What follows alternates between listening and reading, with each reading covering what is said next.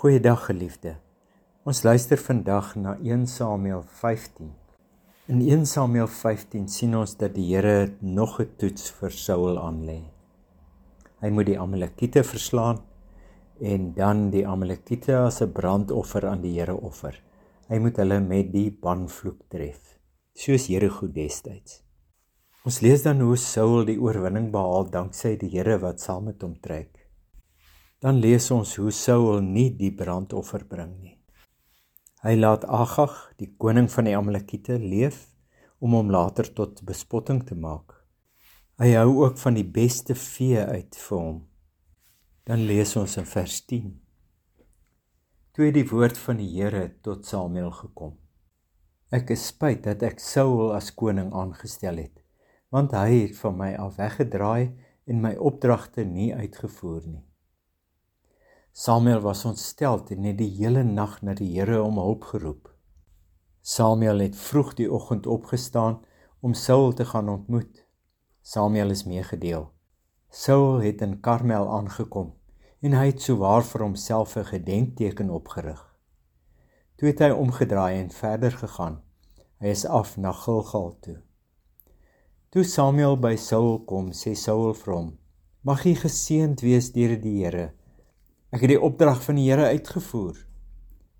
Maar Samuel vra toe: Wat is dan die geblær van kleinvee in my ore en die gebulk van beeste wat ek hoor?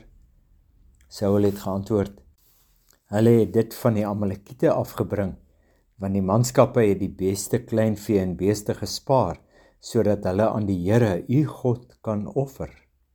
Die res het ons met die banvloek getref. Toe sê Samuel vir Saul: Hou op dat ek aan jou kan bekend maak wat die Here vannag vir my gesê het. Waarop Saul vir hom sê: "Praat. Is jy nie alhoewel jy klein is in jou eie oë, die hoof van die stamme van Israel nie? Het die Here jou nie as koning geself oor Israel nie? Die Here het jou op 'n pad gestuur. Hy het gesê: "Gaan tref die sondaars, die Amalekiete met die banvloek. Veg teen hulle totdat jy hulle uitgewis het." Waarom het jy dan nie na die stem van die Here geluister nie, maar op die buite afgestorm en gedoen wat verkeerd is in die oë van die Here? Ons lees dan hoe Saul homself probeer verdedig. Hy plaas die blame op sy manskappe. Hy sleep toe weer die godsdiens in en sê hulle wou maar net vir die Here offer. Dan lees ons by vers 22. Daarop het Samuel geantwoord: is daar vir die Here vreugde in brandoffers en maaltydoffers soos in gehoorsaamheid aan die stem van die Here. Kyk, om gehoorsaam te wees is beter as maaltydoffers, om te luister beter as die vet van ramme. Wat het hierdie woorde vir jou beteken? Wat is dit wat jy moes hoor? Stop hier om kans te gee dat jy die woord van die Here oordink. In die loop van Saul se verhaal het ons agtergekom hoe hy sonder die Here wil begin leef. Sy suksesse dig hy aan homself toe en vergeet dat dit die Here is wat elke keer saam met hom uittrek.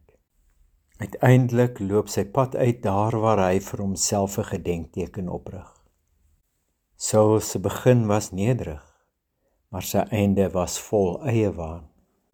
Maak gerus tyd vir selfondersoek Ek gaan groet terwyl jy dit doen. Jou gebed kan begin met wat ek is is net genade. Wat ek het is maar geleen. Genade, liefde en vrede vir jou.